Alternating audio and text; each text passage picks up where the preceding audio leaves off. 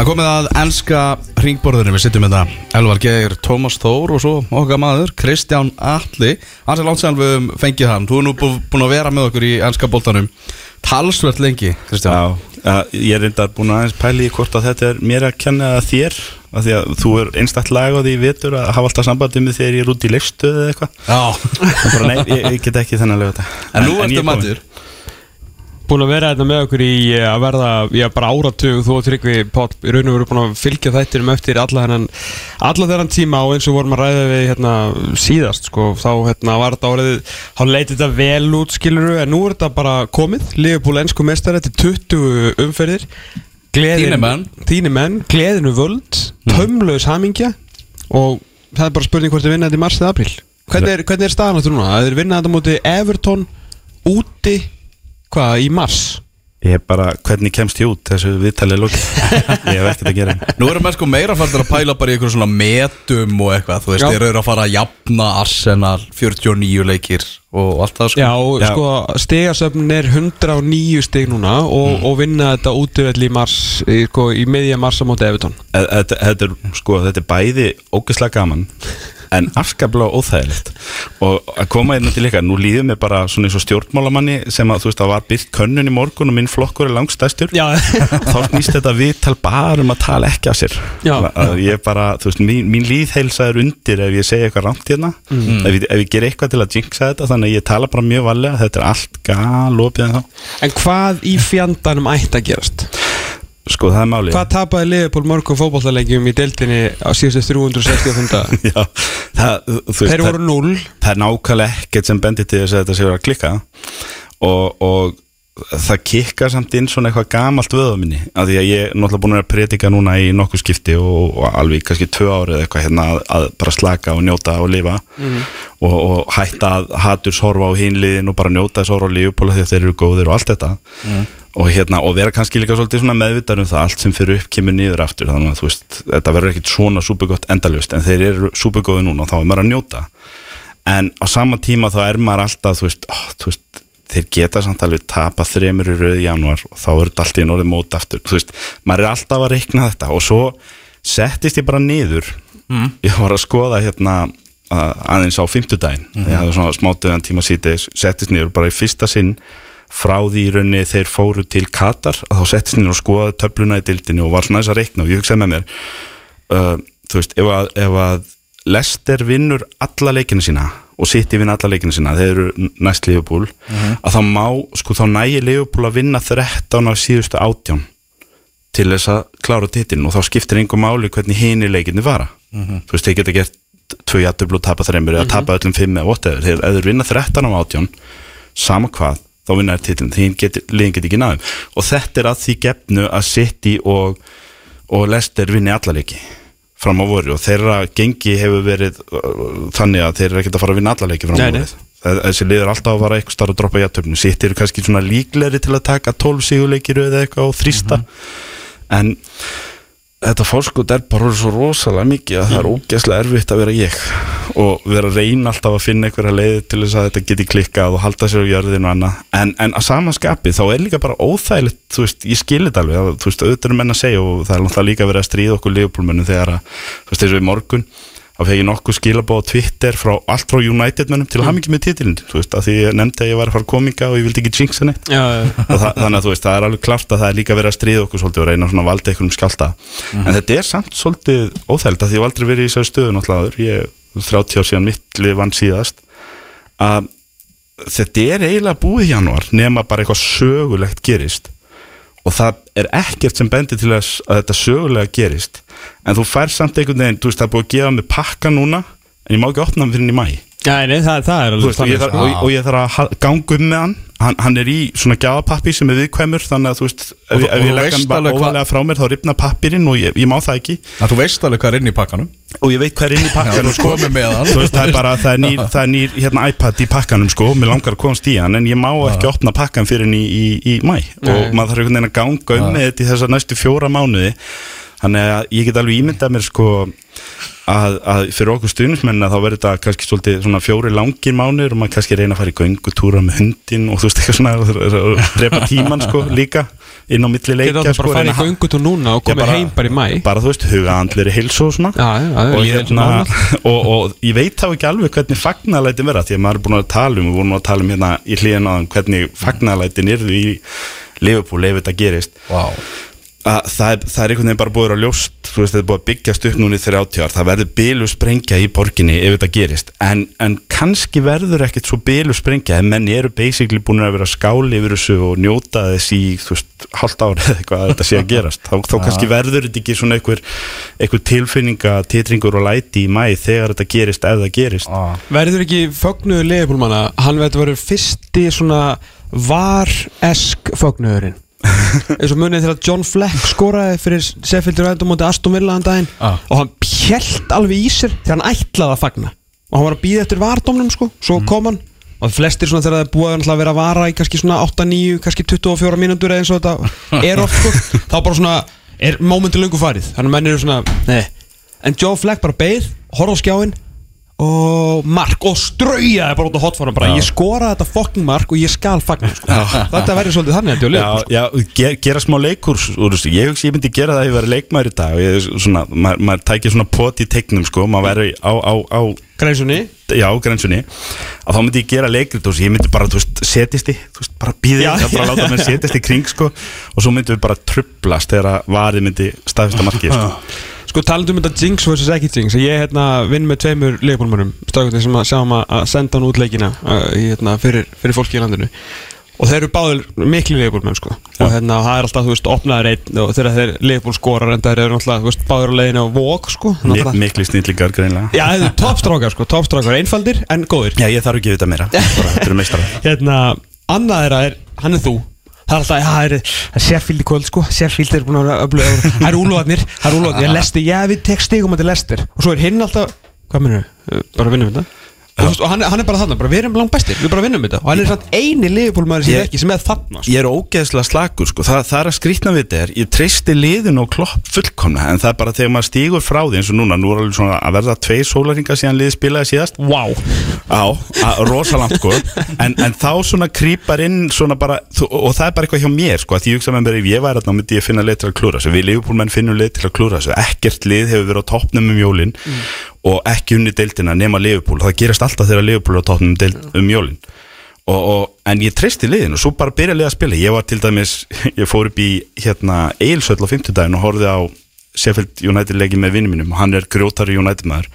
Ég sótt hann í miðbæ í þingoldin og svo voru að keira upp yfir í snjónum og, hérna, og ég var allan tímar eitthvað ég spá í aftöfli, ég, mér líst ekkert á þetta. Og bara, bara því að þú ert hjá mér að þá held ég að þetta klikki og eitthvað svona sko. Hann var vel pyrrar og bara þú veist hvað, þú veist, hvað þetta meina þú veist, þetta er bara, þetta er auðveldu sigur. Svo var hann eiginlega, svo horfði hann með mér á leikin og hann var eiginlega hálf pyrrar allan tímar því að Liverpool var strax konur yfir, já. 90% með boltan aldrei eitthvað í hættu.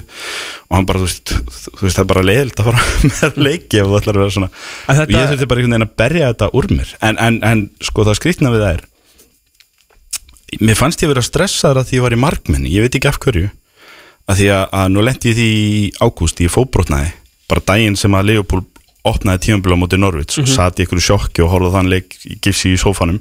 Svo satt ég bara í sófanum með, þú veist, gifs upp að njám í tvo mánu og horfði á hvern einasta leik ekki bara á Leopold til öllum sko, ég bara, ég heyrði meiri ykkur tveimur heldur en konu minni á, á þessum tveim mánum og hérna og í fyrsta sinni svona langan tíma að þá horfði ég á hvern einasta Leopold leik alltaf einn. Þú veist það var bara einn í sófan hann kom fyrir að koma ykkur í sófan til mín en annars var ég bara einn. Og hérna og mér fannst það allt önnur reynsla að horfa á það einn heldur með ykkur. Því ég er rosa vanur því að fara alltaf í sama félagskapin þegar ég er að horfa á leiki.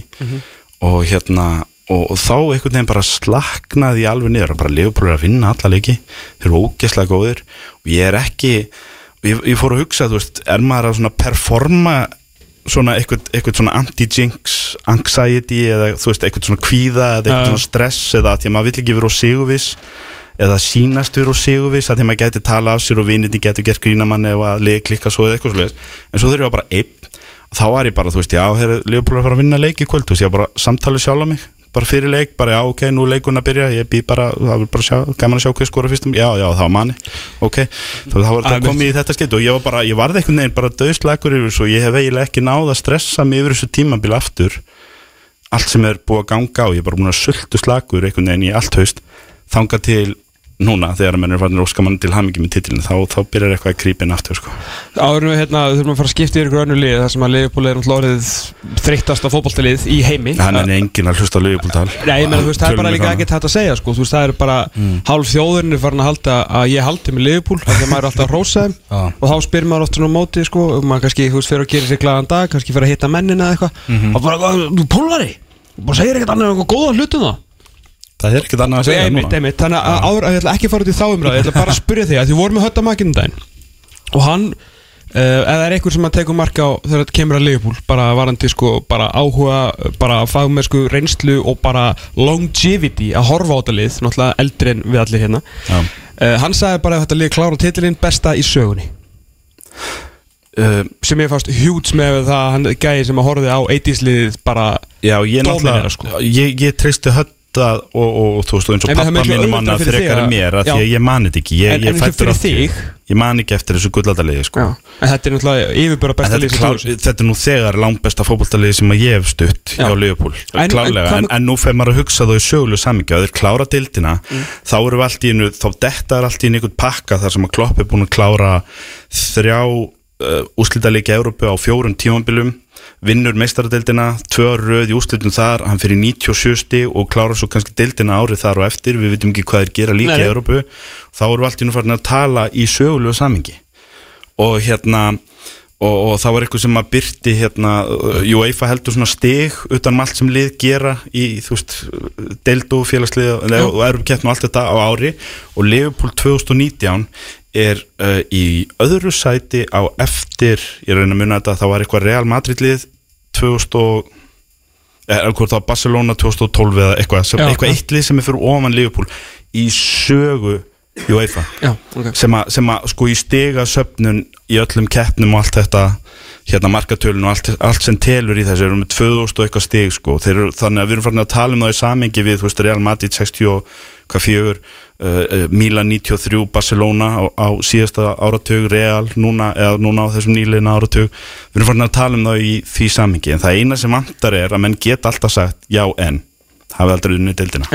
Ef þeir klára það í vor þá, þá hverfur í rauninni sá svo stjarnar fyrir aftan nafnið og þá er bara, þá eru alltaf farin að tala um það í þessu samingju og hvað Leopold búið að gera sístu 2-3 árin, ekki tímambilin heldur árin rauninni. Eina ástæða fyrir því að Liverpool er ekki við erum ekki talað um sem sko englandsmeistar nú þegar er náttúrulega þetta ótrúlega tímbil Manchester City á, á síðustu leikti sem var stíi ótrúlega heldur en við, ótrúlega tímbil Liverpool uh, þar við, við stjórnvölin Pep Guardiola sem að er uh, í ykkur svona mesta barasi með sem við höfum séð hann í, í svolítinn tíma þú náttúrulega fyrir utan að vera náttúrulega Liverpool maður mikil Guardiola maður líka svona þú veist í, í þannig séð bara upp á karakterin og þjálfaran og hérna Já. búin að lesa mikið um hann hvað hérna þú veist er hann svona með ef við horfum tilbaka eins og Barcelona hann er alltaf verið að tala um þetta hann sé bara búinn, hann leggur svo mikið í þetta á endanum þá bara, veist, brennur hann út. Auðvitað meðsla vandræði og allt það. Hva, hvernig lest þú sitt í vandræðin þessu tíma? sko það, ég veit ekki ég veit ekki hvort að Guardiola er búinn endilega hjá City.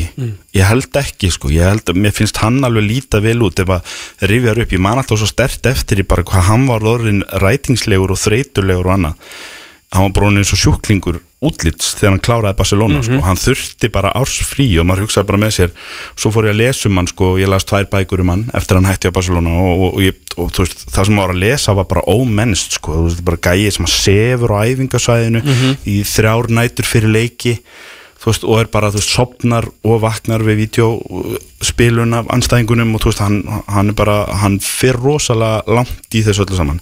Og það er alveg á hreinu að hann er ekkit, hann er örgulega að ganga mjög nærri sér í því að reyna að leysa þetta akkurat núna hjá City.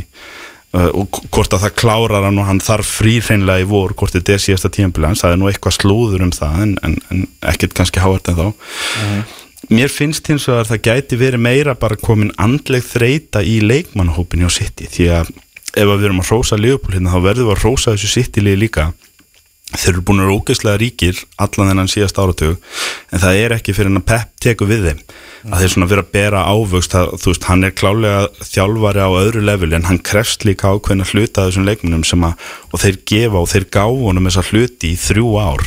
Þú veist, menn fóru í 100 stíl, menn fóru í 97 stíl og, og menn voru á einhvern ótrúlan hátt stöðvæðir í Európu af Liverpool og Tottenham. Það er eiginlega hálf skrítið að þú hugsar síðust þrjú, fjór ár hjá Pep Guardiola og City að þeir hafa aldrei náð í undanúslitin einu sinni í mestardöldinni hann vinnur bara ekki Champions League án Messi. Já og það er náttúrulega hangir yfir honum eins og deildin hangir yfir Liverpool. Hann, hann þarf eitthvað tíman að brjóta þá stjörnu fyrir aftan nafnin sitt. En, en, en ég held í alvörni sko að við náttúrulega við sem er, erum ekki þessir afreiksmenn og þekkjum þetta ekki, veist, við, við vorum ekki spila fyrir Chicago Bulls eða þú veist, við vorum ekki Tiger Woods eða eitthvað, við nei. vitum ekki hvaða tollið þetta tekur að reyna að halda þessu uppi svona lengi sem íþróttamenn. Og maður horfir ofta á og dáist að þú veist, fótboltaliðum eða íþróttaliðum almennt eða eitthvað sem er að ná svona biluðum árangri. Þar sem að sko hópur, ekki bara einstaklingur eins og tækir eða eitthvað heldur hópur manna er að ná svona rosalegum árangri, maður getur dástaði maður horfir á, þú veist,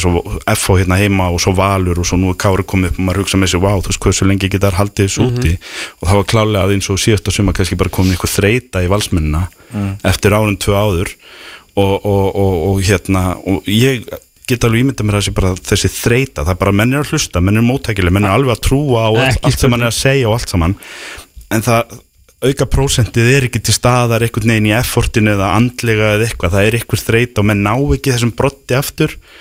Öðruvísin að falla aðeins af og finna kannski hungri til að koma tilbaka. Og hvort að þeir geta fundið það með pep, ég náttúrulega sem lögbólmaður treysti því ekki að þeir geta, geta fundið það á morgun skilur og vunni næstu 15 í röð og gert þetta erfitt í vor.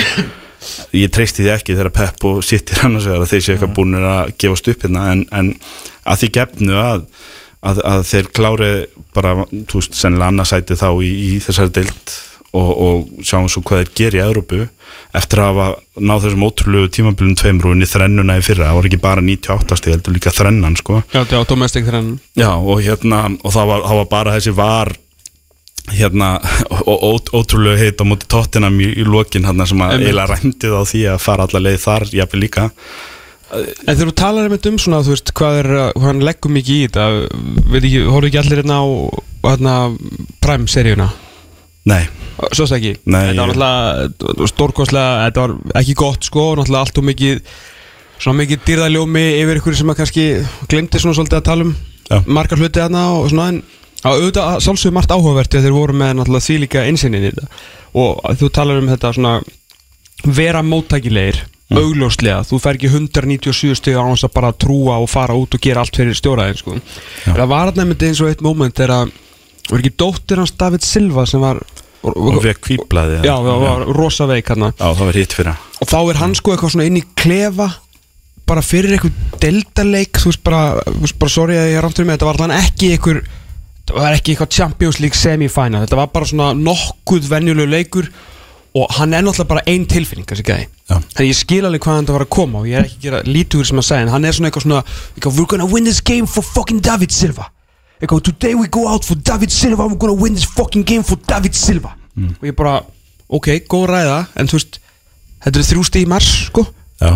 Þú, en en hann leggur þetta allt saman ykkur þrjústig og þess vegna getur maður ímyndið sér eftir tvö tímbil að sjá allar þessar ræður og hvað hann er intensífur og í hálfleik þegar hann er bara að færa menn til og taka bara Kevin De Bruyne bara upp á töflu og bara þú fer hérna og færðu boltan, da da da og skorar. Og þetta gerist það bara þegar maðurinn er snillingur. Já, svo eftir tvö ára hlýtur að vera bara já þannig að ég skil gott að fara sko. Já, þetta, þetta er rosalega intense, það er málið sko og, og þetta er ekki bara intense í stóru leikunum og svo bara eitthvað æg okkur nægir 90% effort á móti, þú veist, Watford heima eða eitthvað, Mhm. þetta er 102% effort allan tíma. Allan.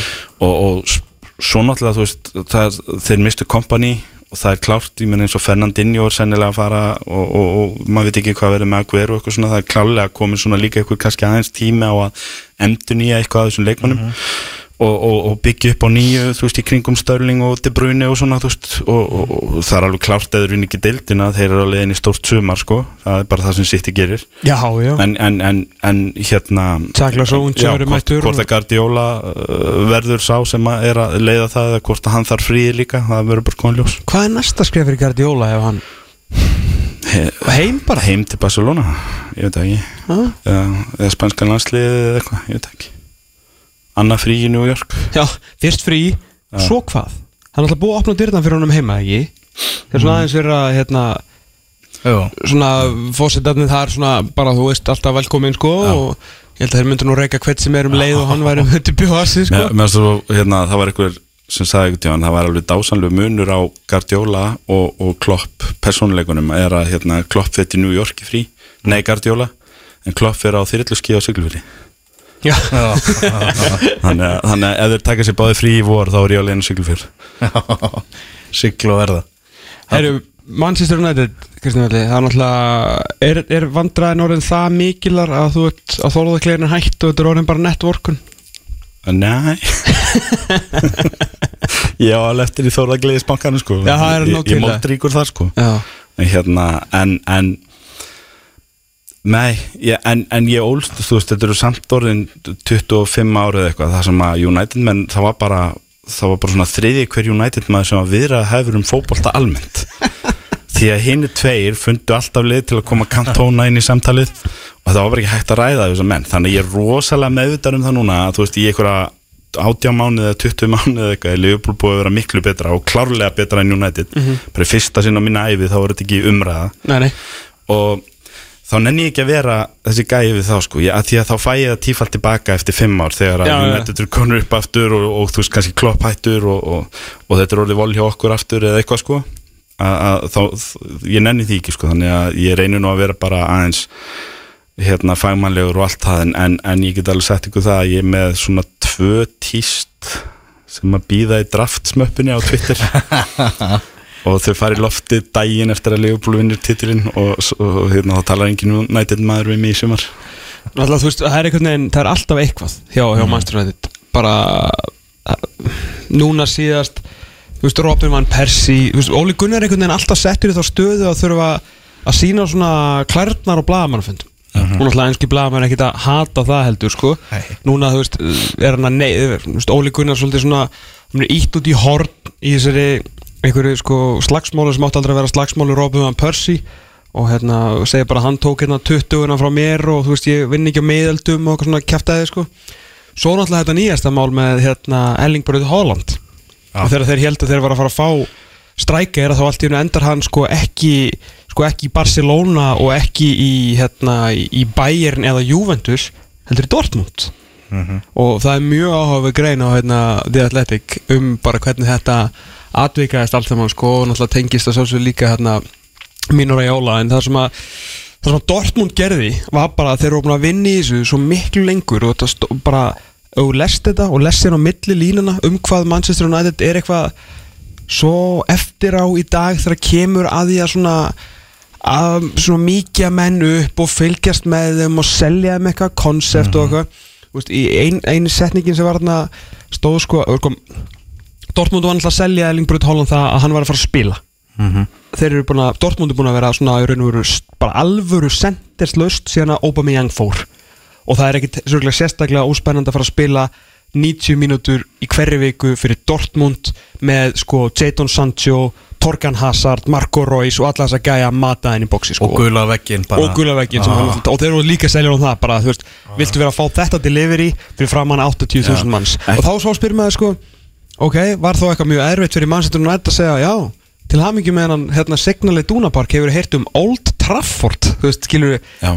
bara á okkur er þetta eitthvað svona sales pitch sko, þú veist, hvað eru þeir að gera? Ég held samt sko að þú ert 19 ára undrabann sem er að spila í Östuríki uh, burt sér frá veist, burt sér frá því að Manchester United sé Manchester United og Dortmund sé Dortmund ef þeir bara bjóðast tveir klubbar og annar að þeim er bara með stemmingu Mhm. og í hinum þá áttu að vera svo sem lappar inn um dittnar og leysir fullt af vandamál já, þá vel ég stemminguna sko Já. uh, ég, strákar, ég, nenn, ég vil fara með ykkur í partí í kvöld. Mér langar ekkert með ykkur til sálfræðings í kvöld. Nei, nei, nei, nei. Þannig að veist, ég, hérna, ég skil það alveg. Ef, ef að það var valkosturinn hjá Brát Holland. Þú skil- að- skil ég að- það vel, sko. Algjörlega og þeir líka og minnist að það hann er sko saður vera hérna við töluðum við hérna í, í vellinum fyrir nokkru vikum hann hérna félagin minni í Noregi sem er fréttastjóri hjá NRK og þekkir hann hérna ágætlega strókina þá er hann veist, ógeðslega heill í höfðinu Mm. það er bara eina sem hann gerir veist, hann, er, hann er engin tjammari skilur og ekkert eitthvað sérstaklega skemmtilegur Hann- eina sem hann vill er bara að spila fótbolta og vera betri í fótbolta Já. og þá er náttúrulega Dortmund er náttúrulega löngum búin að lesa allt þetta sko. þeir eru búin að tala við alla sem hann þekkir pappa og mömmu og alla þannig að þeir fara bara beint í hausinu á honum og eru bara hérna, hérna listi yfir þá sem hafa komið svona úr Já. midlegur klubum, farið í Dortmund og svo bara stjórnuheiminin, Já. bara viltu vera einn af þeim konto eða sjúk fimm ár hjá okkur einmitt. bara rústaði búndeslíkunni fimm ár verður bara einhverju alheimstjörnu og svo getur þú valið úr bæinn real hver eru bestir í Englandi þú veist bara völdu bara Þessi, uppbygging hjá Ole Gunnar Solskjær ef hún er á réttri leið sem er alveg svona umdeilt hvort að hann sé bara einfallega á réttri leið með leiðið þá er hún alltaf að gerast á alveg snigla hraða sko. En ég vil menn sko og horfður á Martial Daniel James og Marcus Rashford. Þessa þrennu í dag þegar hún gerir það sem hún gerir, við sáum á náttúrulega mikilvægt tæta svolítið pakkaði Solskjær saman í, í taktikinn núna um daginn. Þegar við horfum á bara þeir get, eru ekkit sérstakir í eitthvað kallað bara uppstiltan sóknarleik.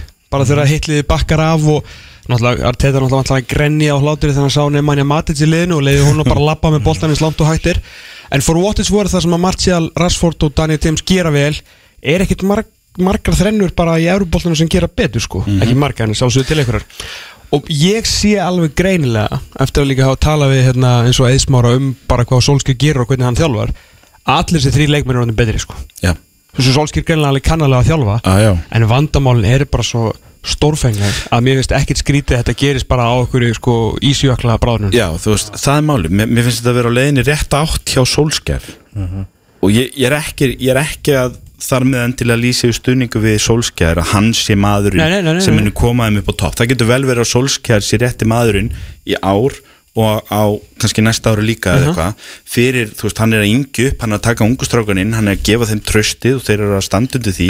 Það er rosalegt efni í gangi hana það sem vantar einhvern veginn er að það er allt utanum fótboltaliði sem er að hæja á framförunum hjá fótboltaliðinu. Klúburinn er ekki að leiði sömu átt og það er eins og þú sagðir Tómi að að því að við þekkjum þetta svo vel leifupólmenn þegar þú nefndir þetta þá bara fattaði ég svona að við förum þessi nýju ár, átta ár aftur í tíman þegar Douglas var með leifupól og svo Brenda Rodgers þeir voru alltaf að sinna einhverju ruggli fyrir utan fótboltaleik það var alltaf verið að svara fyrir eitthvað þú veist, þú varst alltaf með eitthvað Balotelli á hliðalínni eða Suárez á hliðalínni og, og þú veist, og, og hérna, þú veist, einhverja rasistabóli og, og hérna, og alls konar þá vera að mótmæla miðaverði á pöllunum, það var alls konar eitthvað svona sem að kannski ekkert að því virðist verið eitthvað risastórt en sapnast upp í rosa mikið mótlæti fyrir þjálfara og fótboltalið sem eru bara að reyna að skila í jákvæðinni í líf fólks, er að reyna að mæta völlin og ná árangri fyrir fólkið og skemmta fólkinu og gera aðdánduna ánæða og þeir fá einhvern veginn aldrei frið til þess.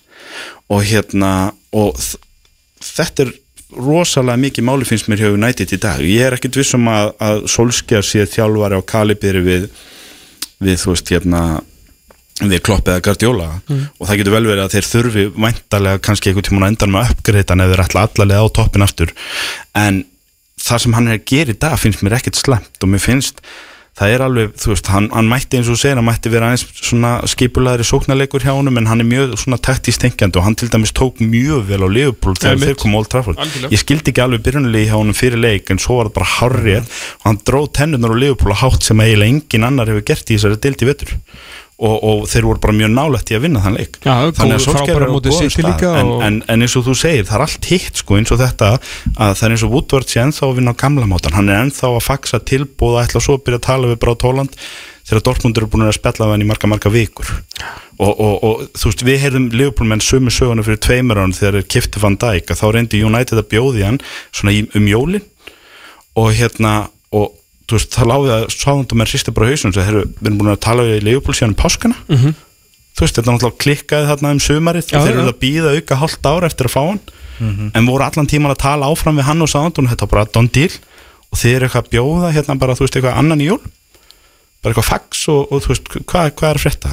Hafið þið aldrei talað við leikmannin og tjekkaðu hvort hann er til eða, það er og svo- það, það er svo er mörg- United, það verðist eitthvað sofanda hátröðna eða kannski eitthvað þrjóska í að sko sína auðmygtin og segja að það sem við erum að gera virkaði fyrir 15 árum en virkar ekki lengur í dag því að menn eru farin að gera hlutin á annan hátt. Það er komin upp önnu kynnslóknasmunumönnum sem að hefur aðra hluti í forgrunni og annars líkt og getur ekkert gert hlutin eins og þú varst að kaupa fannistur og nú ertu bara að díla við aðra kynnslóð og, og þið þurfum bara að breytast. Og Leopold barði höfðunum við þennan vegg í mörg, mörg ár en svo bara breytust hlutinir og það tók tíma, það tók allan þennan ártug það eru tíu ár síðan að, nýjir eigendur eignust Leopold og þetta er ekkert búið að frábært nema síðustu þrjú ár skilur, þannig að það tók tíma en fyrir svona fimm árum þá fórum menn meðvitað, fimm, sex árum fórum menn meðvitað að reyfa sér þess átt og það er að byrja ávast núna.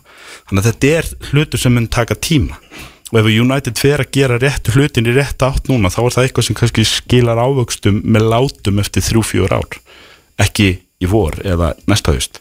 Og menn verða að skilja það kannski og mér finnst bara einhvern veginn svakalegt að horfa United og sjá þetta sko, að mér finnst leikmennir og, og, og þjálfarinn vera bara að díla við of mikinn mótvind þegar að þú veist, þeir sem ætti að vera að skíla þeim fyrir rókinu innan félagsins eru ekki allir að vinna í sömu átt. Það er náttúrulega líka sko, hérna, auðvitað er rosalega mikið sett á, á Ed Woodward En það er líka bara mjög eðlilegt. Ég meina þetta eru orðin Þetta eru orðin tíu áruna held ég Bara meira Minna, 7-8 ár kannski fyrir ekki Af, hérna, af Ed Woodward við stjórnmjölin hérna Og það er bara fyrir löngu, löngu orðið ljóst að maðurinn er nánast með öllu óhæfur í þetta. Nú maður fann að lesa sko prófíl eftir prófíl um hann og hvað, þú veist, hvernig hann vinnur. Það er bara, þú veist, menn komast ekkert lengur upp með að vinna eins og hann vinnur og það er bara þú veist, það er ekkert skrifað um það, sko, það er skrifað um allt í dag, nú síðast eins og ég bara minnst á í þessum þætti, hérna talandum að vera með eitthvað eitthva sales pitch að, sko Jürgen Klopp, sem átti að vera stjóri Manchester United uh,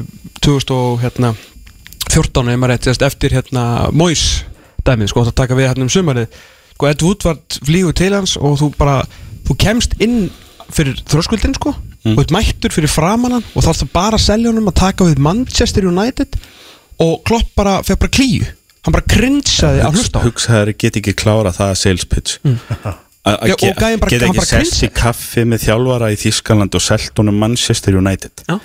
eftir, eftir smá hérna, svona hliðaskref eftir að Sir Alex Ferguson styrði þessi 30 árum og bjóðar að taka við þessu? Gata ekki. Ekki. Og þetta er ekkert, ekkert að þessu eru nýjar upplýsingar hjá útvart við erum að díla við og við erum að tala um sömu hluti hjá hann núna og fyrir þreymur ára hann virðist, og það er kannski að versta við þetta er, hann virðist ófærum að breytast. Og þá skilur maður ekki hvað er að gera áfram með hann. Akkur er stjórnin ekki búin að setja mannin af eða færa hann yfir í fjármálamálin Aftur. og segja að við þurfum bara direktor og fútból eða eitthvað annað hérna. og svo er náttúrulega það eins og með hérna, sem að Höningstæðin var að tala um þegar hann var hérna á landinu. Ég var eitthvað smá tíma með honum og þessi hérna bransasaga sem hann sagði mér að því þegar gæinn sem að gæinn sem að Ed Woodward sendi til að tala við uh, Ralf Rannick mm. sem er ekki hérna, sem, Red Bull gæinn Já. Já, Ralf Rannick gæinn sem fór að- til að tala við hann er gæinn sem er að sækja um starfið sem direktor fútból hjá United hvernig heldur að það viðtalaði verið? Skrítið Já Þú veist, ef ég var að sækja um eitthvað starf Fattur þú fara að tala um eitthvað annan Ég myndi koma tilbaka bara Þessi gæði veit ekki neitt sko. Hann veit ekki neitt já, já. Þú veist, þetta er allt þetta svo Þú veist, að hlusta á þetta fyrir styrjum með Master United Ég bara, þetta er hræðilegt sko. Talandum að vera ófærum að breytast Við þurfum að ræða þess Mourinho. Já. Þar var klukkan gleði Þetta var, þetta, hvað var þetta mánuður sem að náði Örfáaleiki Jólatörnin bara ömurleg Hann, hjá er, svo- hann er Tottenham. svo Elizabeth Taylor hjón, hérna brúkhausferðin er alltaf stýttur og stýttur Já, já. Þessi var komið svo í Britney Spears með lengi, skilaða hvað var, lögfræðingin og 58? hraðvæli bara Ég trúði því að Mourinho væri bara það klókur. Ég líka. Að núna myndan bara, heyrðu, nú ætla ég bara að vera nýja Mourinho, ég ætla bara að vera hérna gamli góði hérna sem var maður leikmanna og allt hannig, það er bara strax farið sko. strax ha. það er bara já, menn eru ófærir um að breytast. Ég ætla, ég, ætla, ég ætla að byrja á því að taka það fram að Tottenham er að fara að taka stiga Leopold næst helgi. Oh. ef einhver kann að hlaða í rútuna hann er Harry Kane er meittur, nú erum við afsökunina hann hliður í rútuna og tekur jafntefla mútið Leopold en, en Get ekki beðið eftir að Serge Ori er hann að vera að díla við um, Sadio Mane, það verður örugglega bara ekkert mál. Það er að pakka honum saman? Alveg bara Það er menn mitt. var sann.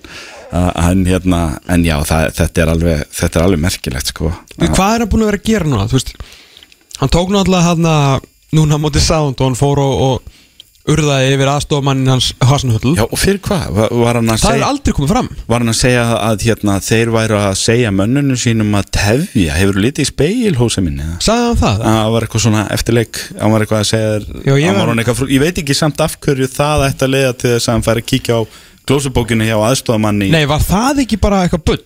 Ég ég- hann var bara að halla sér upp að eiran á honum og urði við hann ég held að bara verið Já, ok, ég hefni að hann var hjælt á bókinu sko. Það var bara eitthvað sem að ennska pressan fór bara í svona logical thinking og, og creative writing sko. en, en svo náttúrulega spurningin eitt sem að Mourinho gerði rosa vel þegar hann var komið upp sem þjálfari var og hans stíl var sá hann tók alltaf svona hérna bröndið af, af þú veist, brottin af, af gaggrinnin af leikmönnunum Já. með því að vera sjálfur í eldlínni og það hendaði hún náttúrulega klálega vel. Maðurinn elskar. Að- hann er ekkit bara að gera er það af því. mannúar ástæðu. En, en, en, hérna, en það var ágætist taktik að virka því að leikmenninu voru til í að vaða eld og brennistegin fyrir hann og annað, þú veist, að hann var hjá Porto og svo var hann hjá Chelsea og, og Inter og þetta var bara geðveitt, skilja, hann bara, hann tók sviðsljósið og hann tók ásætla gaggrin og annað og, og leikmenninir, hann náði þeim algjörlega með þessu. En svo kom hann til Real og hann náði þeim ekki með þessu þar og, og hérna, og svo er þetta bara ekki virkað síðan, en hann virðist við að tala um útvartaðan, hann virðist vera ófærum að breyta þessu. Og er þetta ekki kannski bara einhver svona enn einn íkt byrtingamind af því að hann er að tapa hann að leika á mútið Sándon best að fara hans í hár við þjálfarna hínum einu eitthvað, þess að gefa mennum eitthvað annað en framistöðulið sem þeir tala um eftir en, en það hefur ekki verið að virka hjá honum hjá Real eða hjá, hjá Manchester United og, og, og setna skipti hjá Chelsea nema eitthvað tapmarkaðan tíma. Hérna uh, ég er ekki sem að það virki á tóttunum hérna, ef, ef að þetta er að fjara út strax svona þetta nýja brum og þessi brú, brúkusfærð hjá honum þetta honeymoon og, og þeir eru bara áfram í bastli að því að þá talandu þreyti og sitti og klálega komin einhver þreita í Tottenham liðu hjá Pochettino. Þeir voru búin að vera líka svona kannski lið sem var að spila hér um byrja yfir getu í nokkur ár hjá Pochettino. Uh, er Mourinho maður til að snúa því við án þess að kaupa leikminn og, og, og sko þegar við segjum kaupa leikminn að þú veist þessi þjálfari þarf að kaupa leikminn til það er ekki alltaf bara það að þú veist að menn séu bara einhverju fútbólmannji stjóra þetta snýst um það sko hvaða þjálfarar þú veist, gjössanlega elskað að vera á hliðalínu nei, nei á æfingarsæðinu hverjum degi með leikmönnum þú veist, það er þar sem að menn líta á að þeir vinni mestu vinninu sína, meðan að aðrir er þú veist, og Solskjær held ég sé klálega svona gæi og með sitt æfingarlið sem er að vinna vinnuna þú veist, og, og þar lítur hann á sem sín svona mikilvægastu störf og við veitum að Klopp gerir það líka sko. Guardiola gerir bæði, þú veist, hann alltaf fær að kaupa hann alltaf hjá ríkun liðum, en hann er líka bílaður á æfingarsæðinu með þeim klálega uh, Mourinho virðist vera svolítið að gamla skólanum að því leiti að ég er ekkert vissum að hann sé þjálfarin sem að þú viljir taka, sjá taka við liðinu til þess að bæta en til að leikmenn. Og, og hérna, sérstaklega leikmenn sem eru kannski búin að vera að maksa sitt potensial í nokkur ár núna skil og þú ert að frekar að reyna að fá það upp um eitthvað level, er hann ekki alltaf að taka við þessu til þess að fá að kaupa þarna inn og bæta þetta liður eða að fara upp um level og getur Tottenham gert það eins og hann vill og þarf og er vannur? Ég er ekki viss. Þannig að ég skildi þessa ráningu ekki frá upphæðum ég fannst þetta að vera svolítið svolítið svona eitthvað stargazing hjá, hjá Daniel Levy að fara í frægasta nafnið og, og eitthvað. Þú veist, þú ert að láta Pochettino fara þá verður að gera það með því að fara strax í þú veist, vera með kláran á kantinum eitthvað sem er ennþá stærra nafn sko. Ég veit bara ekki alveg hvað hérna eins og nú í janúar gangi í garð og ef þeir ætla að fara að kaupa eitthvað uh, náttúrulega fer tvennum sögum að því náttúrulega svo sem hafa búið að segja honum eh, maður búið að lesa á einhverjum hérna einhverjum stöðum að hann vissi að hann myndi ekki fá neitt í janúar þar sem að bara nýr völlur og hann ætlaði bara hérna, talaði náttúrulega mikið um hópin hvað hann væri góður og, þetta léttir það líka pressuna svakalega á honum með hann færingan í janúar.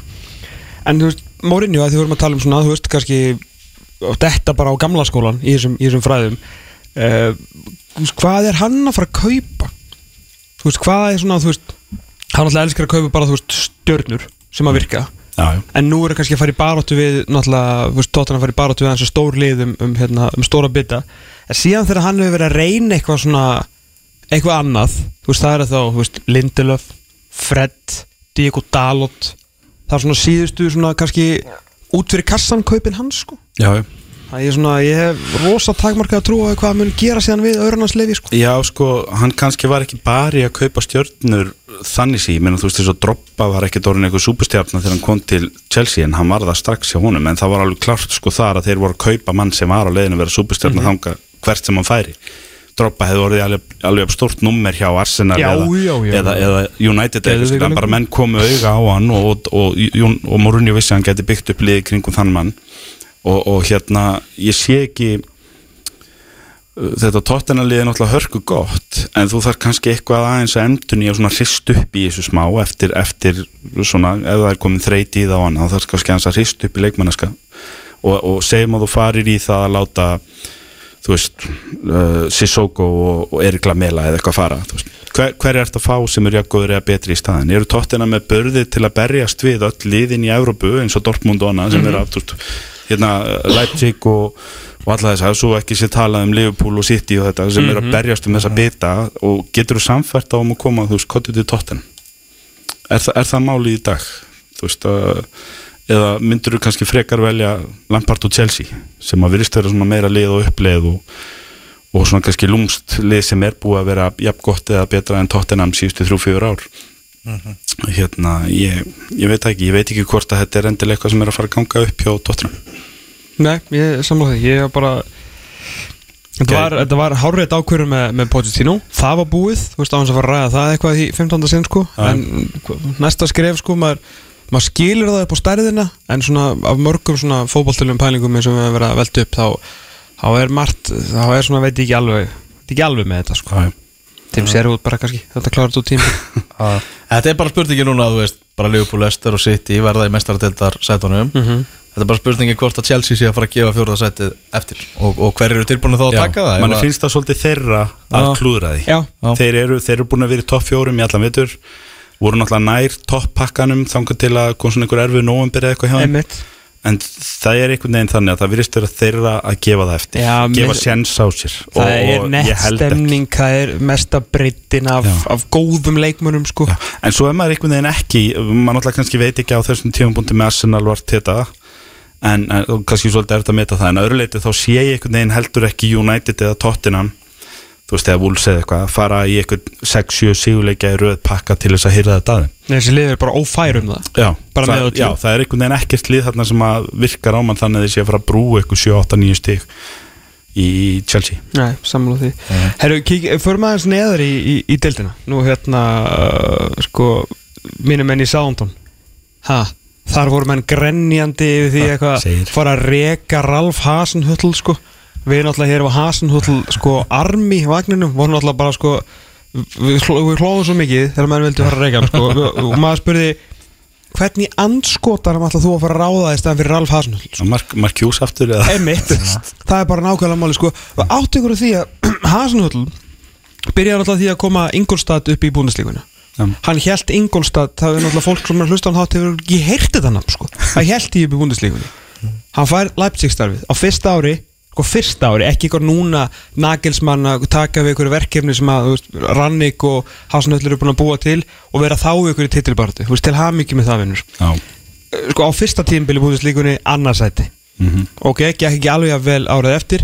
Og það var bara ákveð að ráða Nagelsmann Hasenhull bara bara herru vinnur, ég er bara prinsipmaður ég er ekki hér sem einhver sko bráðabera stjóri fyrir eitthvað wonderkid. Og hætti bara, Mhm. skilur þetta svona kann ég að meta. Já, prinsip maður. prinsipmaður hvern, og þú veist að fara, jú, jú, 9-0 fylgdi því eftir með tveimu töpum og jættubli, en stundum er bara gott að trúa. Ég veit ekki hvað gerist með þetta nýja núleik það, er afskaplega erfitt að útskýra sko, þú veist, þú lendir 2-3 núlundir, það er einhvern veginn gengur alltaf mótið þér í hálftíma eða eitthvað og þá hætta leikmenn bara. Og þetta er bara eitthvað sem má ekki gerast Nei. hjá neinu liði. Og það er ég veit ekki einu sinni hvort að það er endilega stjórans eða eitthvað að bera ábyrð á svona leikskil bara, en það sem að þarf að gerast það sem að vera að hrósa honum fyrir hann vann leikminn einhvern veginn út úr því og liðið og hann fekk náttúrulega trúna þegar hann var ekki rekin bara daginn eftir hennar leik nei. sem að hefur bara yfirleitt verið raunin sérstaklega kannski í þessari stöðu sándum voru ekkit svona eitthvað burðir en hann vann það út úr þessu, hann er búin að lifta þeim upp uh, hann, þeir reytu ekki miklu að peningum eitthvað í sumar sko, þetta er lið sem að var eiginlega bara svona hálskíteppið að falla ekki í síðustu tvö ár hreinlega eitthvað sko og hann er samt með á núna bara um meðadeild og þessi deild er enda mjög jöfn þú þarft ekki að tapa nema tveimur í röð og þá ertu aftur dottin hann niður í mýrina sko, niður í fóruna en, Það er nefnilega mjög áhugaverður hlutar að gerast í neðri hlutunum í þessar deild sko. já, það er það sko. Það var bara einhvern veginn allt búið að breytast einhvern veginn. Bornmóð komið í bara ég- frjálst fall. Er- er- Votford bara vinnur er- alla fótballtaleiki Er Bornmoth æfintýri búið, það er spurning. Ég er nefnilega Nú er Eddie Há í smá smá svona kreppu. Hann hefði átt að stökkva frá borði einhvern tíman Jafnvel bara síðasta sumar eða eitthvað sko. Ég veit að það er ógest auðvelt að segja það núna. Já. Hann var öruglega ekki að sjá þetta fyrir Hann var öruglega að sjá freka fyrir eitthvað svona vúlstæmi að fara upp í ykkur Európubaratu Já, Þetta tap á mótið David Moyes og, og félögum í vestan Þetta var vestan framist að held ég bara Þetta voru gláð verri heldur en 9-0 tapið bara já á ég tímabilinu sko. Bara málið er að Vestamur ekki af góður og lestir sko. Já, Ef höfðu spilað svona mútið lestir Leicester hefði tekið á 9-0 með þessu Þetta var bara, rúmfara, já. þetta var, þetta var ógeðslega liðið sko. Þetta er, þetta er skrítið, því að maður hugsa um þetta Eddie Howe það sem ég hef svona oftur að velta upp með hérna, mínum fólki hérna, í þettinum hvað, þú veist, ef hann fellur með Bormað þú veist, hversu vondur það fyrir Eddie Howe ætlar hann bara að vera hérna eilífu ætlar hann bara að vera einhver hérna gírú bara með hérna, maður ekki sem hvað að lifa með á sín tíma, að vera bara í 30 ár sami hvað deildar er með. Í, í liðið, bara, Já. bara ætlar að vera þarna og Ég hugsa ekki meira. Sean Dice fór niður með Burnley og, og var bara áfram og kom svo upp Sjón aftur. Dæs fær ekkert annars derf sko. Nei, Hann mun þjálfa- hann mun bara þjálfa Burnley og að annar að þessu mönnum var orðaður við þú veist Tottenham og Arsenal í voru sko, ekki Sjón Dæs ekki hinn sko. Það, Há hefði alveg haft valkosti hvort hann hefur þá í vor hvort þið sleppa við fallið ekki er ég ekki eins viss. Jafnvel hósið er jafnið sér núna og endi í 15. sæti skilur þá er ég ekki vissum að Eddie Há vagnin sé jafn fjölmennur eins og hann var fyrir ári Nei. en, en hérna en að þeir falla þá myndi ég einhvern veginn alltaf gíska og hann er bara heimamaður og í húðahár og allt það og verður bara áfram og ekki nema stjórnin hjá þeim ákveð eitthvað annað skilur Nei. það, og það þýtti þó kannski að vera ansililegt til þess að stjórnin ákveð eitthvað annað en að treysta á töramannin Einmitt. til, til að finna nýtt törabra það er svo mikið að öðrum svo fyndið með hérna, talandum hérna, nýjasta skólan í þessu öllu saman að Eddie Howe og Graham Potter eru ekki yngstu stjórnarnir í deildinni Nei það eru tveir sko nei, já, tveir næst best hvað er ekki, fób, næst, næst besti fótboltamæðurinn og þriði besti fótboltamæðurinn að þeir sem eru í deildinni. Og hver, hver eru næst besti og þriði besti? Lampart og mikilvægt þetta er Lampard ekki besti fótboltamaðurinn sem er að þjálfa þessu til ég er mikil, ég... mikil pepp maður sko. Já reynda, hann var náttúrulega fyrirlið í Barcelona það er kannski svolítið eftir að taka það Já. en Nei, ég segi að þú veist, að þeir eru náttúrulega, náttúrulega báður undir ferdu sko. já. Hinn er þarna aðeins aðeins ofan sko. en er Aston Villa það er búið? 21, 21 stig og markmaðurinn og framherinn átt Já, Það er þarf að gera eitthvað í janúar. Hérna maður. Þar, ég hefði veðjað bara sko húsin á það að Aston Villa myndi standa sér besta nýliðunum í haust. Mér, leist, það, mér fannst bara einhvern veginn allt rétt. Það, svo risaklúpur sem er komin upp aftur með völlin og hefðina. Bara alltaf mikið af breytingum sko. svo, Já, svo bara einhvern veginn gerðu þeir kannski of mikið og þeir náðu aldrei að púsla þessu saman þannig að það næði einhverju skriði. Nei. Og, og það fjara undan Norvits byrjuði vel og það svona er að fleita þeim en þeir eru náttúrulega samt svo bara dottni nýrið Ja, aftur og þeir eru að vera alveg vonlausir. sko. en þetta Sheffield United liðið oh, þeir nú bara, það slaga nú bara hátt í að vera bara, þú veist, lið ásins Já. það slaga, það, það átti einhvern veginn engi vonu því, ég var, ég held að þú veist, nánast hver einasti maður sem spáði dildarspáni í haust hafi verið með þú í næsta eða næst næsta. Það er geggjað, sko ég, ég er smá ágjur af, af hérna, að Sefildinu uh, þeir eru komin þrý leikir sko, þeir eru komast í 29 stig. Eftir að hérna jættefli gegn uh, Votvort um alltaf leikur sem að myndi halda Sefildinu þetta við nú bara að taka en Votvort auðvitað komið í smá gýr tvö töp núna, vissulega ekki City og Liverpool Já, útileikir sko. Það er þess að Vestham, Arsenal City, Palace núna sko þannig að hvort er verði á ennþá 29 stigum eftir fjóra leiki Já, sko og, og sko föstudagsleikur á, á heimavelli á móti vestam sem voru að vinna 4-0 og eru með svona nýja manager bumpið, Já. þú veist, eru hátt uppi núna sko, og hversu lengi það endist hjá þeim sko, hérna, þannig að það getur orðið sæna lúmsterfitt Jack Rodwell sko. Það var Já, svona ekkert nei. eitthvað rosa sexy sko. En það sýnir ég bara samt gaman að hérna, núna er Spyrita Sandó er það næsti top 60 í deildinni hjá öðru liði? Eða verður, verða úlfarnir nýja top 6 liði þeir ætla sér að klálega og ef að Lester gáta þá geta þeirra alveg. Það eru þetta Þannig. peningar hana og vantar ekki peningana. En það er líka annað hver maður í þessu liði Portugali sko. Mhm. Sex af sko 11 í byrjunlega í besta liðinu já, í Portugal sko. skilar það sem hann er að gera skilar það sér ef hann myndi lappin hjá Manchester United eða, eða Tottenham eða Chelsea eða Arsenal eða eitthvað það sem eru færri Portugalir, ég veit ekki. Ég bara, ég, veist, Nei, nei, góð pæling. maður setur spurningamerki en, en, en þetta virðist vera lið sem að þú veist, þeir byrjuðu svo illa í haust. Maður var einhvern veginn bara, ok, þú veist, hann er fyrst í stjónum sem að fer og þetta gæti jafnvel bara búið þetta mm og eitthvað svona sko. Nei, nei, þeir eru ólsegir alveg, þeir eru bara konnir hann upp Þeir bara- þeir þeir, góðir, þeir haga sér einhvern veginn eins og bara, þú veist, við we belong, skilur, við eigum heima í svona topp átta og ekkert kjaftaði, Mhm. þú veist, þeir haga sér eins og svona lið sem að þú veist, þeir haga sér kannski eins og til dæmis Everton sjá sig.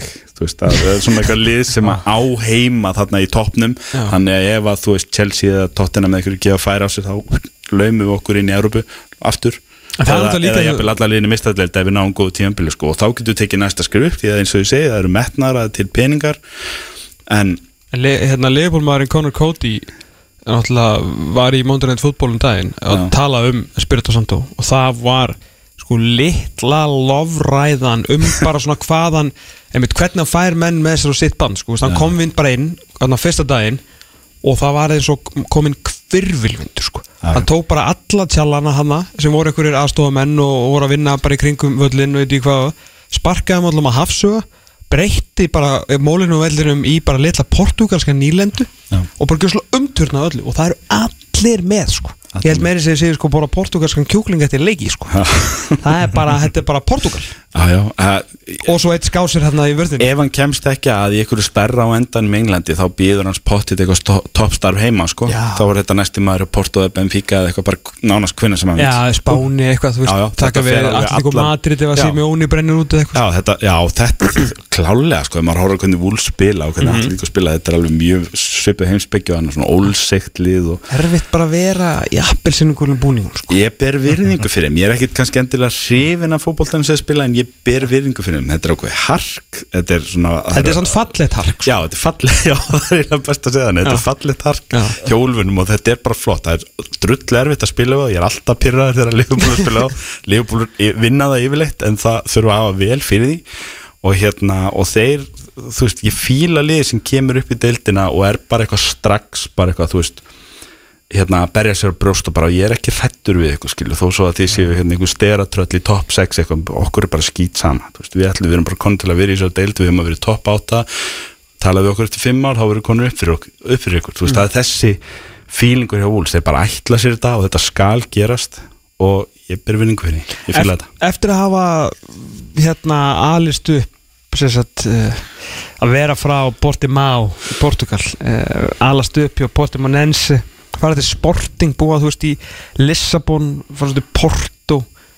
Taka fimm ár í Monaco skilur við vera með 120 landsleiki fyrir portugalska landsliði fyrir undir fyrirliði. Eftir að búið þú veist í Lissabon og Portoborg og Dregavöllum og Monaco og svona. Hvernig aldrei sjá Moutinho líði í Wolverhampton hún verðist ekkert líðið illa. Nei, þeir slíða mjög vel sko. bara mjög góð ég bara, þú veist, og þessi Portugalar allir sko, ég hef komið, hafið þið komið til Wolverhampton? Nei, aldrei. Ég hef komið þóka sko fiskarnir er ekki margir verður að segja sko. þetta er ekki marg, margra fiskaborg sko. það lítur að vera einn portugalsku veitingastæður, það er nóg. Já, ég fór enda bara svona bandariskan svona, Já, annars, annars er klubburinn bara búin að opna. Það Já, er, það er bara svona eitthvað Wolves í hérna, port, portugís pizzeria eða eitthvað hana, við hliðin á vellinu sko. Ágríns, ég hugsa alltaf það kemur í, í leikjum hjá Úls svona myndir upp í stúku af áhorfundum sko. Ég er bara svona hvernig alltaf sé að vera þarna þú veist, frá bara Wolverhampton og eiga þetta fótboltalið bara einhvern veginn svona portugalst fótboltalið einhvern veginn svona nútímalegt evrópst fótboltalið að þú byrði í shithole sko. Já, ég bara, málið er að Þú fagnar þessu bara úr stanna árangri. Þeir eru nefnilega að gera það. Ég myndi bara, gaman, sko. hvað sem er, mér er alveg sama hvaðan liðið kemur hvað, frá hvað þjóðverðni eða eitthvað sko ef, að- ef að liðið er á árangri. Ah, þeir eru, hafa þeir eru af þessum liðum sem er, þú veist, með nafn en hefur aldrei orðið mestari ég held það sko. Já, er það? já uh, jú, fyrir ekki, þrísvarsnum ég ætla ekki að taka þeim, já, hérna, já, já, auðvitað fyrir ekki 50s 50 já, 50s síðan þá held ég að besti árangur er að sé 7. 8. seti sko sko besti árangur já. þannig að ég held þú þegar þú ert búinn hann á bandarska hambúrgarastæðinu sem ég fór á okkur neðin og búinn að vinna í og eitthvað þá ekki sér alveg ágættu bara að Rúben Neves sé að skora fyrir fótballtaliðið Já, sko. nákvæmlega, þetta, er, þetta litur í tilveruna, krydd í tilveruna Herru, ég hérna áratugurinn er, er á enda uh, íþróttalega það er alveg sama hvað menn eru hérna að segja að það er búið að ákveða áratugurinn Já, já sé á enda. Og, og það þarf ekki að það má svo sem alveg ræða en við ætlum ekki að gera það. Uh, fann hérna krakkendur á, á Daily Mail sem eru nú mjög áhugaverir svona þegar þeir eru að skrifa greinuna sínar en þeir eru ágættir í listum. Þeir eru ágættir að gera lista. Þeir eru með bestu transfer hérna áratugurins Número 1 Sergio Aguero Allir um Manchester City á 38 miljonum punda. Mótmælið ekki nokkuð maður? Nei, ég held að það sé erfitt eh, Svona pund fyrir pund besti framir í sögu ennskúrústildarinnar Engolo Kante í öðru seti uh, Kain til Leicester 5,6 Ég sé hann er alltaf David Silva Valencia til Manchester City 24 miljonur 2 og topp 3 hjá Manchester City og kannski ástæð fyrir því að þeir eru búin að vinna svo mikið af, af deilum Hér allir setja strax spurningamerki. Fjórðarsæti, Firgil van Dijk. Janúar 2018 fyrir 75 miljonum punda. Ekki að það unni deilin sko. Hann fyrir, fyrir klálega í sko, flokkin frábærkaup Já. en, en topp 5 bestu kaup áratugurins sko þú lítur á vermið hans þetta er svona líkta svolítið að því að það sé verið að Fyrir eitt og hálft ár, sko. ha- halda mínum ættbálki góðum. Já. Þannig að breytir svo miklu samt. En svo sjáðu, sjáðu. Já, já, en, en þá kannski eftir að koma í ljós það er kannski erfitt að dæma það í janúar 2020 endalega, þú veist. Einmitt. en ef, ef, ef hann er jafn góður næstu, þú veist sex árin eins og svo Aguero Já. hefur verið, þá, þá fer hann óvalega á þessum skilur Fymta sæti Andy Robertson Húl til Liverpool. 8 miljonum Ég myndi setja hann fyrir ofan eitthvað. Já. hann, hann kostaði ekki einu svona 8 miljónir Þeir verið átt ykkur af því að Liverpool skipti á manni sem var metin 8 miljónir og var í varalínu hjá okkur, Kevin Stewart. Miðjumæður, ungur, sem var hjá Tottenham. Tottenham gaf hann frá sér og Liverpool tók hann. Hann spilaði ykkur 8 leikið eitthvað fyrir Liverpool þegar Klopp, þegar Rodgers var að klára með Liverpool og Klopp var að taka við og þeir láta Hull hafa hann og fá Andy Robertson í staðin voru sem að Hull falla úr úrstöldinni Þannig að Andy Robertson er meira metin á 8 miljonir Já, Já, þess að Að- þá. hann, hann var metinn sem sagt svona æ, við erum með gæja í varaliðinu hjá okkur. Við skulum láta ykkur á hann og við fáum vinstri bakurinn ykkar í staðin Já. og það er 100 pluss miljón punta dag Það er sjötta sæti Robby Van Persie Arsenal til United 22 miljonum punda. Vá, er það? Það, já, það er það, eða þú veist á listan Æ, ég er ekki saman því. Bíddu. Til United það- það- Til- Fyrir til eitt og United. hálft gott ár. Já, ok. fyrir, fyrir eitt titil. Eitt titil viðbútt og eitt og hálft gott Luis Suárez, sjöunda sæti 23 miljonir Veit ekki alveg með það Að því að, byttu Í áttunda sæti Eden Hazard. Já, Hann- hann Hazard á- Hazard á veru ár. Hann er slífan titla sko. Þetta Suárez stæði með þessum er Var lengur, sjöunda náði, ati- náði árangri Alltaf Annar Ég er sammála því. sem að í, næst, í níunda sæti sem á líka fyrir ofan Suárez Jæja Túri Barcelona til sitt í 24 miljonir punta Hann bara tók yfir miðjun í ennskúrúsleitin nokkur ár og vann titla. Uh, Já, en samt, samt sko, ég ætla að fá að setja stjórnumerki við það. Ok. Eigum við að vera að gefa bestu transfer áratugarins á leikmenn sem að komi frá draumalið Barcelona? Ok, góð punkt Er, er, er, það, er það hérna, þú veist, vel gert allir er að skilja launahækkun? Þú veist, að hafa fundið þennan gæja vel gert þeir eru, þeir eru snillingar Ah, Hann var reyndar ekkert Þetta- það það það vissi sko. þetta hver einasti maður sem er með fútbolmanager eða hafði hort á meistaradeldina Sér síðan þetta 14. seti Kevin De Bruyne í bráinu Filip Coutinho 16. Saha til hérna Palace aftur Lukaku 18. Harry Maguire til Leicester ekki þetta nýja og 20. sæti sem ég á svona skemmtilegt hjá hverjum á Dailymail Ayose Peres, Tenerife til Newcastle fyrir 1,5 miljón putta ég veit það ekki, þú veist Tenerife tjúl, já það er bara að vera að fylla upp í sko heyrðu, svo fann ég að annan Akkur er Jamie Vardy ekki á þessum lista? Var hann ekki bara í einhverju neðri deildaliði sko ekki, ekki championship eins og Lester heldur, þú veist, í bara fjörðu eða þriðu deildinu eða eitthvað þegar að Lester tók hann jú, ekki, var það ekki alltaf sagan Akkur er óskopunum með Jamie Vardy ekki á þessum lista? Það er bara frábært og ég sendaði þeim post Ég skal sjá hann. Hann- Hann verður harðorrum, ég verður ekki hleyft inn í England á næstur og ekki bara það hann kemur sko, hérna, reynda var Lester náttúrulega ekki í Premier League faktist en hann kemur 2012, þannig að hann áheila allan áratugin með, með Lester sko. Herru, svo fann ég annað Hann hérna keftur hérna á eina miljón punta 2012 Rest my case, þetta, þetta er top Já. 5 Þetta er top 5 kaupin, þarna skiptum út fyrir Van Dijk takk. En þeir eru faktist ekki í League sko. Herru, kannski, þetta er ESPN þannig að þetta er tækniðatri, ok. Bestu fimm kaupin og verstu fimm kaupin.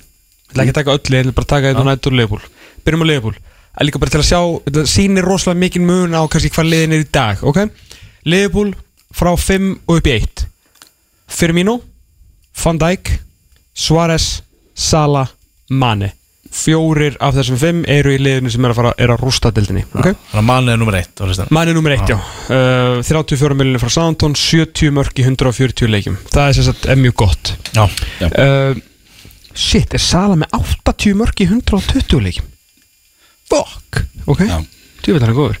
Herru, verstu kaupin frá 5 og upp í 1 Loris Karius fyrir 4,7 frá Mainz sem að einu stóru kaupinu á klopp sem hafa klikkað held ég Alveg örugglega. stór, 5 miljonir Já, þú veist, hann, hann var að kaupa aðalmann. Já, alveg, ég skilji, Þú ég veist, skilji hann var að setja tröst á hann mann Þetta var ekki gæði svo hann keftur herru, Sebastian Coates eða Coates? Guades Coates. Þrjú, Christian Benteke. Nummer tvö, ein, bara einn með þeim slakari bara í sögu pröfmi líka held ég, Alberto Akulani djúðan lillu með Akkur hann, vá. Uh, og verstu kaup áratugurinn sjá Leopold obviously 35 miljónar pundamannur sem kom í þyrlunni 11 mörg í 58 leikjum Andy Garrell Andy Garrell Alni Garrell ok, hérna, ef þú taka City samt líka bara til að svona Já, sína. já. já ekki, þannig að ég tími 5-4-3-2-1 bestu, Ederson Kevin De Bruyne, David Silva Raheem Sterling, Sergio Aguero. David Silva alltaf verið frá Raheem Sterling en þetta er ansi flottur fimmannalisti Sammála, en hafandi hort á Manchester City lið sem að mér sín, er ekkert sem að Daily Mail menn hafi gert með þennan lista. þetta er í spjörn á, þá myndi ég vilja setja Fernandinho á hann lista. Því að það sem þeir á afrikað undir stjórn Guardiola hefur ekki afrikað nema með mann eins og Fernandinho í liðinu. Já, ég myndi að henda Edison hann í sjötarsæti Við veist svona hans, hann er góður en Já, ég, Fernandinho má fara í staðin alveg samanlegar Það eru fimm mestu, Stefán Jóvic, Jack Rottwell, Rocky Santa Cruz, Wilfred Boney og Eliki Mangala. Þetta er náttúrulega allt menn sem voru svona keftir Þetta er, þetta er ekkit pepp, hérna. Þetta er, þetta er reyðaslag fyrir mér samt að minn maður bóni sér á listanum sko. Já, vá, hvað þú veist svona. Herðu, en svona til að setja þetta í sögulega samingi við uh, áratugunum Manchester United og ástæði fyrir þér hafa kannski ekki unni neitt síðan 2013 eh, Byrjum á verstu, nei, byrjum á bestu. Fymtu bestu kaupin. Fymta, númer fimm, sko. Sem sagt, á listanum yfir bestu kaupin bestu með B kaupin með B, rétt. Já. Paul Pogba. Ok, Hann hefur skilað miklu. Alveg því lit fyrir litlar 89,3 miljonar bönna Númer fjögur, Juan Mada sem hefur reynda reynst svona þarfur þegn og verið flottur Antoni Martial, alltaf í fílu en, en skoraði eitthvað mörg 50 mörg í 180 leikum, skoraði ekki neitt. Van Persie í öðru seti, gæði sem kom bara einu öðru fyrir eitt titil, hann, hann er númer 2 á Er hann í öðru setið þarna en samt á listanum þeirra yfir bestu kaupin Þetta er, er yfir? eitthvað miðlinn sko. Þetta Já, er, já, þetta er já, ok, Entertainment ok. and Sports Network Ok. Svo kallar ég ESPN Og númer eitt auðvitað David Egea Búin að vera hann allan árið Já, og Var um tíma besti markmaður í heim er, er, hann, er hann ekki klálega þeirra leikmaður áratugur Já, ekki nokkuð spurning held ég. Já, bara hands down. Já, bótið Herru, fimm verstu. Memphis Depay Fred Bebe Þú eru einu Ferguson kaupin Angel Di Maria og Alexis Sanchez. Já, Vá, já. En þetta var af Liverpool City United. Þá eru fimm bestu alveg gríðarlega unimpressive hjá Manchester Gea kannski svo eini þú myndir segja kaup sem eru jafnvel hefnið og góð eins og topp 5 hjá Já. í rauninni sko. Sem kannski segja margt um United síðust ári Hæfileikalega séð Antoni Martial, þú veist, á pari við Já, þá kannski þetta komið ljós svolítið með hann. Hann er náttúrulega ungur en hefur gert helling samt. Er hann ekki bara 24 eða eitthvað? Jó, en ég veist, hann bara, hann ennur þess ekki sko. Já, Bara rosa mikið bras fyrir hann sko. Hann er ógeðslega góður sko. Hann verður kannski geðið eitthvað fyrir, þú veist, París eða eitthvað, eitthvað dæn Ég veit þetta er sko. Herru flest stig á áratögnum Manchester City 818 það kann í gólfið. Öðru seti Manchester United 747 Chelsea 740 Liverpool 710 Tottenham 703 mm. segð mér eftir, 710 á Liverpool hvað er, hvað er mörg upp í Manchester United? 10 plus 47 37 Já, kláðum það, næsta ári Það byrja að tellja aftur Það komið nýra áratögnum Já, já, nákvæmlega. Heyrðu, við ætlum að fara að segja þetta gott í ennska ringborðinu. Gaman að fá þig, Kristján. Sem leiðis Leikmaður tímabils að syngja til, að lókum Jordan Henderson. Jordan Henderson. Leikmaður Fyrir- áratögnins Nei, Á tímabils Vá, ég held að þetta áratögnins En hver er leikmaður Hann- áratögnins? hann er samt hann, Steven eða? Hvernig hætti þér? Steven Gerrard var 30 árið 2010 þannig að hann er byrjar að dala Ah, 2011-12 en það er samt svona fyrirlega segli og hann er náttúrulega næst í búin að skila titli. Fjárvera Jordan Henderson í síðustu tveimur eða þreimur deildalegjunum voru 2014 var eiginlega það sem að kannski annað öðru fremur kostaði Leopold titilinu það árið. Og Jordan Henderson gæti alveg verið minn leikmaður ártjóns, ég veit að það er fullt af einhverjum Suárez og Saladírkendum og eitthvað sem vera brjálæður við því, ég bara En hann er hægtur að vera umdeltur allavega Henderson. hlutabrifur bara þú veist þarna uppi hjá Apple og Amazon núna sko. Já. og ég, Henderson, ég set hann í öll veljónum sæti alls þar Leikmaður tímabili synga til að Matti Kristjáns Alla er Jordan ef þú Henderson. er hort að Liverpool spila fótboltaleiki þá ertu ekki ósamála þeirri fulliringu þó svo að Jamie Vardy hafa skorað fullt af mörgum Sér leikum maður tímbilsins yfir allar deildina? Já, Já, ég- með, ég er sem myndum alltaf að setja manni eða undan sko. Manni ég- maður, en það fengum við frá okkur í sáðandum. Já, já, já, þú sáðum þú maður náttúrulega, ég er sammála því. Ég, ég ætla ekki að fara að rífast því, sko, þetta er allt mínu menn. Þetta er þetta er allt þínu menn. Svo mikið ég viss Það er alveg klart það. Erum við þetta var ringjandi fáskrúsfjörðar eftir augnablikk